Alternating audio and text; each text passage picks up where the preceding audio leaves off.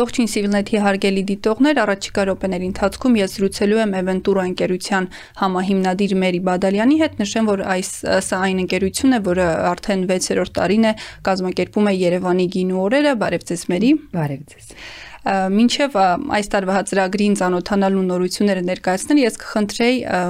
մի քիչ զրուցենք, թե նախորդ տարիներին, հատկապես պատերազմից ու իդից հետո գիտենք, որ զբոսաշրջության ոլորտը այդքան էլ լավ վիճակում չէր եւ բոլորը փորձում էին անել հնարավորինս ամեն բան, որ ավելի շատ զբոսաշրջիկներ բերեն, վերականգնեն ոլորտը։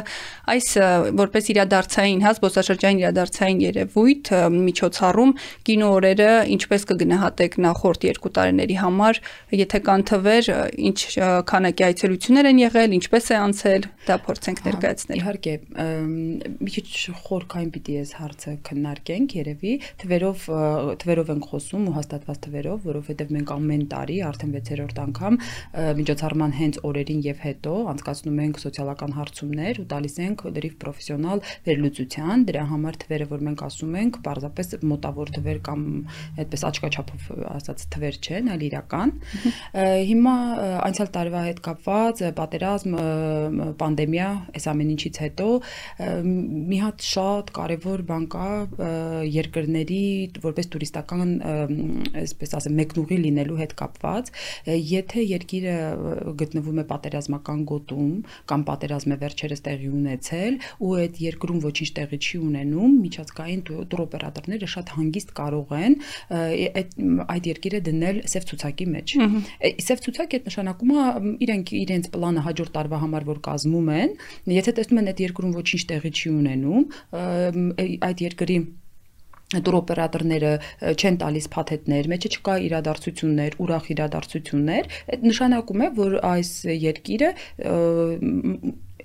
իրենք էլ որպեսի դուր փաթեթներ կազմեն, չէ, դեռ այսինքն ծև ցուցակի մեջ պիտի գցեն այնքան ժամանակ, միջև տեսնեն այդ երկրում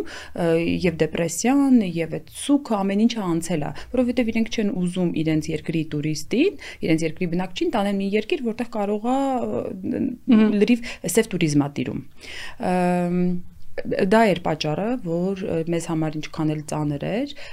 որ 2021 թվականին մենք որոշում կայացրեցինք, որ Երևանի գինու օրերը պիտի տեղի ունենան, որովհետև դա երկրի այցեքարտային միջոցառում է։ Եթե ուշադրություն դարձնեք, Տուրիզմի կոմիտեի վերջին ապրանքանիշի մանիֆեստը, որ արված է, այնտեղ 15-16 կադր կա, ընդհանուր նկատի ունեմ հենց նկարներ, պատկերներ, դրանցից 3-4-ը Երևանի կինոօրերն են։ Մենք չենք տվել, մենք չենք իմացել այդ մասին, բայց դա խոսում է այն մասին, որ այս միջոցառումը շատ կարևոր է դեպի երկիր ճիշտ վճարունակ տուրիստներ գրավելու համար։ Դա էր պատճառը, որ մենք իրականացրեցինք։ Եվ իհարկե հաջորդ պատճառը նա էր, որովհետև պանդեմիայից ու պատերազմից հետո եւ գինեգործները եւ այլ մնացած այն ընկերությունները մոտապես 120 ընկերություն է մասնակցում Երևանի գինեօրերի ժամանակ, բոլորը համարյա մանրմիջին ընկերություններ են իրենք կարիք ունեին իրենց ապրանքը ներկայացնելու, վաճառք առաջացնելու, ընդհանրապես հանրությանը դուրս գալու իրենց ապրանքը արդեն ներկայացնելու։ Պատկերացնեք 1.5-2 տարի լրիվ դաթարից հետո մի միջոցառում, որը ունի 35000-ից մինչև 40000 վճարունակ այցելու դա էր այսինքն պատճառները անելու ավելի շատ էին քան թե չանելու եթե թվերից խոսենք թվերը այսպեսին էին ամենավճարունակ մաս սեգմենտը որը հիմնականում 41-ից 63 տարեկաններն են հետաքրքիր է ամենամեծն են տուրիստները այդ շրջանում մոտավորապես 40%-ը տուրիստներ էին իսկ ընդհանուր 35000 այցելուից մոտավորապես 30-33%-ն են որ տուրիստներ են կազմում ուղիղ կեսը, կեսից մի քիչ-քիչ դա Ռուսաստան է մնացածը աշխարի բոլոր երկրներից։ Հետաքրքիր առհասարակ զբոսաշրջության նման ձևաչափը որքանով է աշխատում, հա, այս ոլորտում իրադարձային туриզմի մասին է խոսքս եւ պետք է արդյոք ավելի շատ ուշադրություն դարձնել այս ձևաչափի միջոցառումների վրա։ Այո, Պետք է, որովհետև հիմա ես туриզմի մասնագետ չեմ, բայց լսում ենք туриզմի մասնագետներին, իմ գործընկերուհի Նունե Մանուկյանն է туриզմի ավելի քան 20 տարի տարվա մասնագետ, եւ իհարկե մենք շփվում ենք շատ-շատ սերտ туроպերատորների հետ, туриզմի մնացած մասնագետների հետ ու գիտենք, որ հիմա կա դասական կա դասական туриզմ եւ կա դասական туриզմի մեջ, որ մտնում է իրադարձային իրադարձային туриզմը գնալով մխրճվում է դասական туриզմի մեջ ու ինքը իր առանց իրադարձ որևէ իրադարձության հնարավոր չէ այլևս տուր փաթեթներ կազմել, համարյա հնարավոր չէ, ինչպես ասեմ,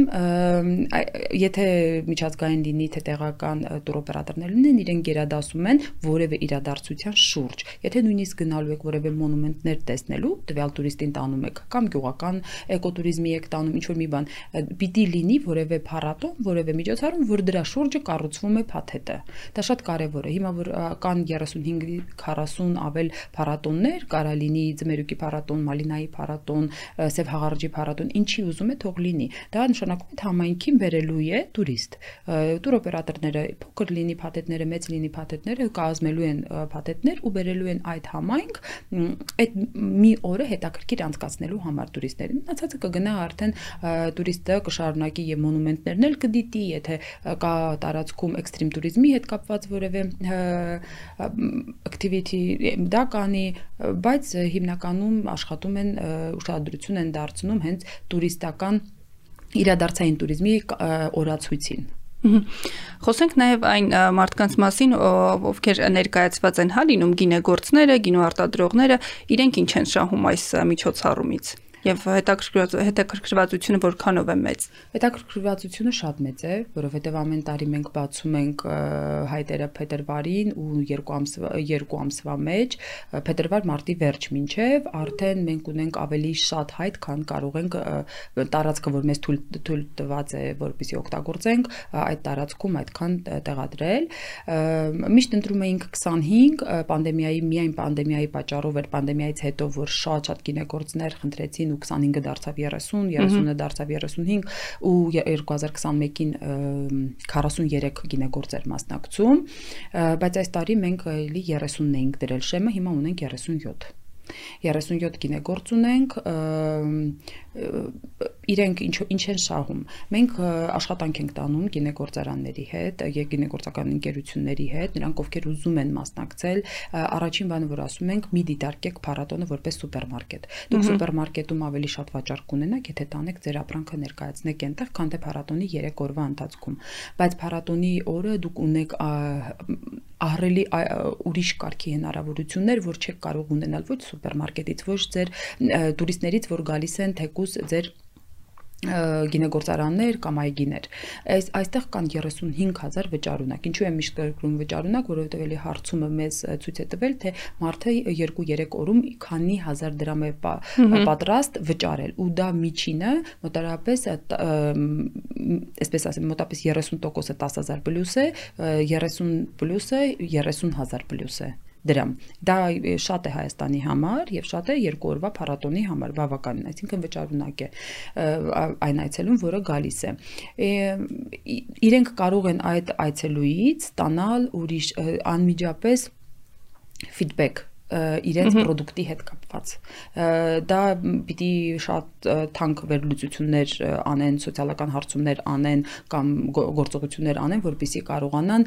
նման անաչար, որովհետև մարդիկ չեն ճանաչում, մարդիկ այս նույն միևնույն վայրում եկել են կա, կա 30+ այլ գինեգործարաններ, իրենք շատ արդար ու շատ անաչար են տված կարծիքի հետ կապված։ Այսինքն եւ կարծիքն են ստուգում, նոր գինի լինի, հին գինի լինի, դա կարող են անել։ Մեծ մարքետ մարքեթինգային գործիք է փառատոնը, շատ մեծ մարքեթինգային գործիք։ Դու կարող ես քո բրենդի ճանաչելիությունը ամրապնդես, դու կարող ես հաշվի առնելով այն փաստը, որ տուրիստները շատ-շատ են, դու կարող ես քո բրենդի ճանաչելիությունը ամրապնդես արդեն տուրիստների, որը պոտենցիալ գնորդն է արտահանված product-ի Եթե Ռուսաստանից է, այդ նշանակում է ինքը կարող է արդեն տեղեկացնել տուրիստին, գիտեք, որ քաղաքից եք հարցումանի, որ քաղաքից է, գիտեք, մեր product-ը դու կարող եք այ ձեր քաղաքի այ սուպերմարկետներում, որտեղ այդ ամբողջ ինֆորմացիան իրանք պարունակում են։ Այդ կարող է եւ թրուցիկներով ինֆորմացիան հա, եւ բերանացի հասցնել, եթե նույնիսկ ոչ մի բանով էլ չի հասցնում, միայն քիմքի ու տեսողական հիշողությունը արդեն տուրիստին իր երկրում, եթե սուպերմարկետում տեսնի այդ գինին, այդ այդ product-ը ինքը անպայման կգնի։ Չեմ ասում անպայման կգնի, բայց գոնե այն փաստը, որ պիտի ընտրություն կատարի անծանոթի ու ծանոթի մեջ, իրեն կդրթի անել ծանոթը։ Իսկ եղել են այս տարիների ընթացքում, հա վերջին 5 տարվա ընթացքում հաջողության պատմություններ, օրինակ, որ արտասահմանի ինչ որ ընկերության ներկայացուցիչ հավանել է հա այստեղի գին արտադրողի արտադրանքը եւ համագործակցություն է սկսվել կան արդյոք նման օրինակներ թե մենք քիչ առաջ խոսում էինք մեր մետավերսի մասին, որ արդեն գինորերը մտնում են դեպի մետավերս ու մետա էքսպոյը իրականում դա մի քիչ գինորերից մենք առանձնացնելու ենք ինչու եկավ դեպի մետավերսը, որովհետև 2019 թվականից հետաքրքիր մի փաստ գրանցվեց, որ Երևանի գինու օրերի համար գալիս են միջազգային դիստրիբյուտորներ, մասնագետներ, որտեղ իրենք մի տեղում տեսնում են մի քանի տասնյակ գինիներ ու փորձում են, այսինքն դա սկզբում մեզ համար պարզապես ոնց որ շշուկների նման մի բան էր, բայց հետո երբ երբ արդեն հաջողության պատմություններ էին գնում, որ այս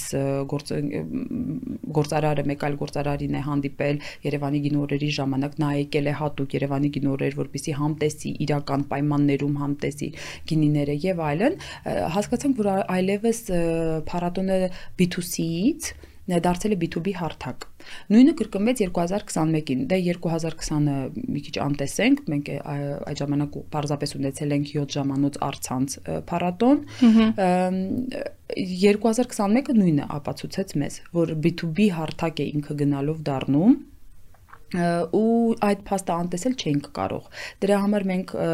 եթե հաջողության պատմություններին այո կան, շատ են, միայն այն փաստը, որ հատուկ դա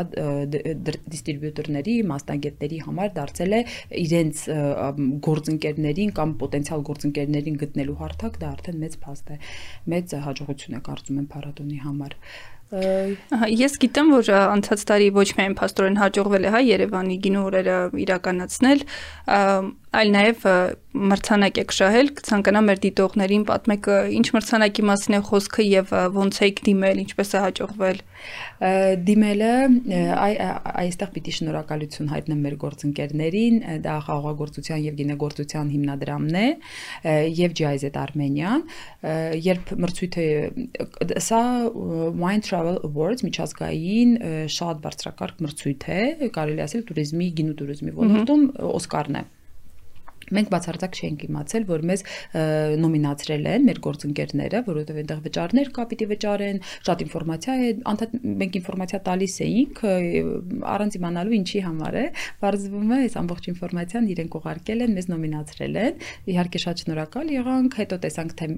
մենք ինչ անվանակարգում ենք, դա տարվա լավագույն միջոցառում անվանակարգում էինք, բայց երբ տեսանք, որ մեզ հետ միասին Բուդապեշտի, Միլանի, Օդեսայի, հիմա լավ չեմ հիշում, էլի եւս եւս 4-5 այլ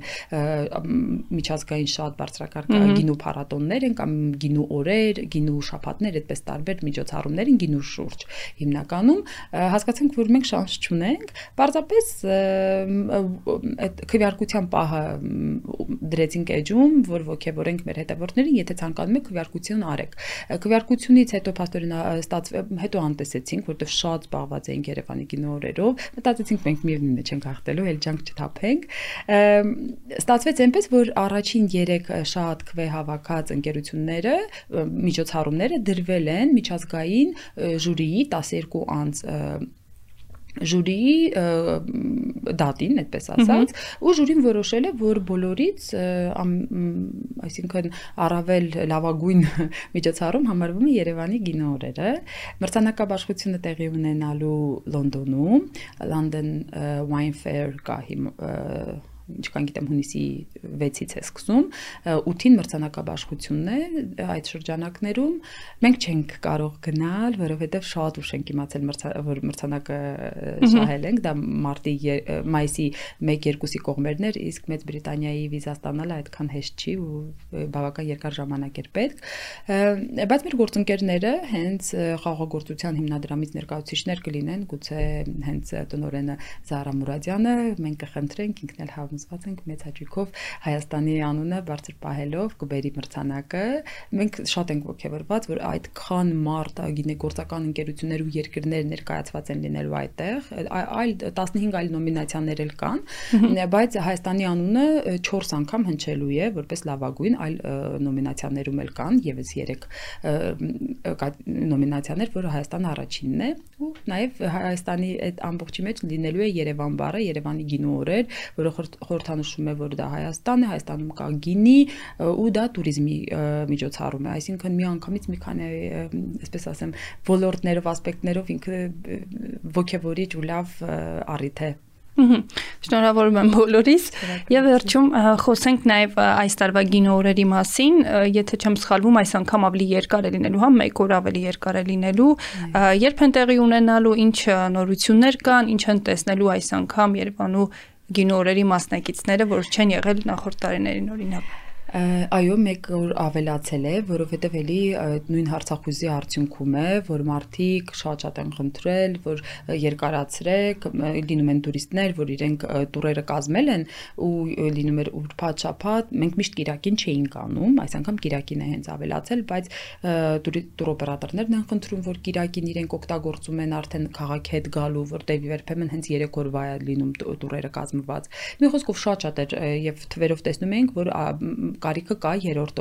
երրորդ օրվա։ Իհարկե փորձելու ենք այս տարի, եթե զգացինք, որ որտեվ դա տանջալից աշխատանք է մասնակիցների համար եւ կազմակերպիչների համար, այո, շատ ուրախալի այցելուների համար, բայց եթե զգանք, որ եւ մասնակիցները եւ մենք երեք օրը բավականին շատ է այս ծանրությունը տանելու համար, գուցե մյուս տարի երկուսը անենք։ Տեսնենք, այս տարի փորձում ենք, կարծում եմ ոչ մի վատ բան չի լինի փորձելու մեջ։ Ինչ նորություններ կան։ Նորությունները բոլոր ուղված են գինեգործին հնարավորություն տալ վաճառք ունենալ շատ։ Էլի եմ ասում, սա սուպերմարկետ չի, չէ, չպիտի ակնկալենք, որ պիտի այնքան վաճառք լինի, որ եւ տաղավարների գեղեցիկ տեղավորման եւ անձնակազմի այդ ամբողջ ծախսերը փակվի, բայց դա կարող ենք եւ տուրիստներին եւ այցելուներին ուղղորդել, որպիսի գնեն գինին շատ։ Ու դրա համար հիմա բոլորին հորդորում եմ՝ մի վախեցեք այդ օրը շատ գինի գնելը գնելուց, որովհետեւ ել այլևս այդ ծանրությունը ստիպված չեք լինելու ձեզ հետ ամբողջ փառատոնի այդ երկար փողոցներով տանելու։ Պարզապես գինին գնեք, գնացեք մոտեցեք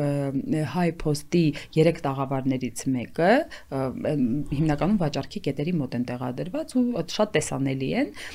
Տալիս եք հայփոստին, հայփոստը լինելով մեր գլխավոր լոգիստիկ գործընկերը,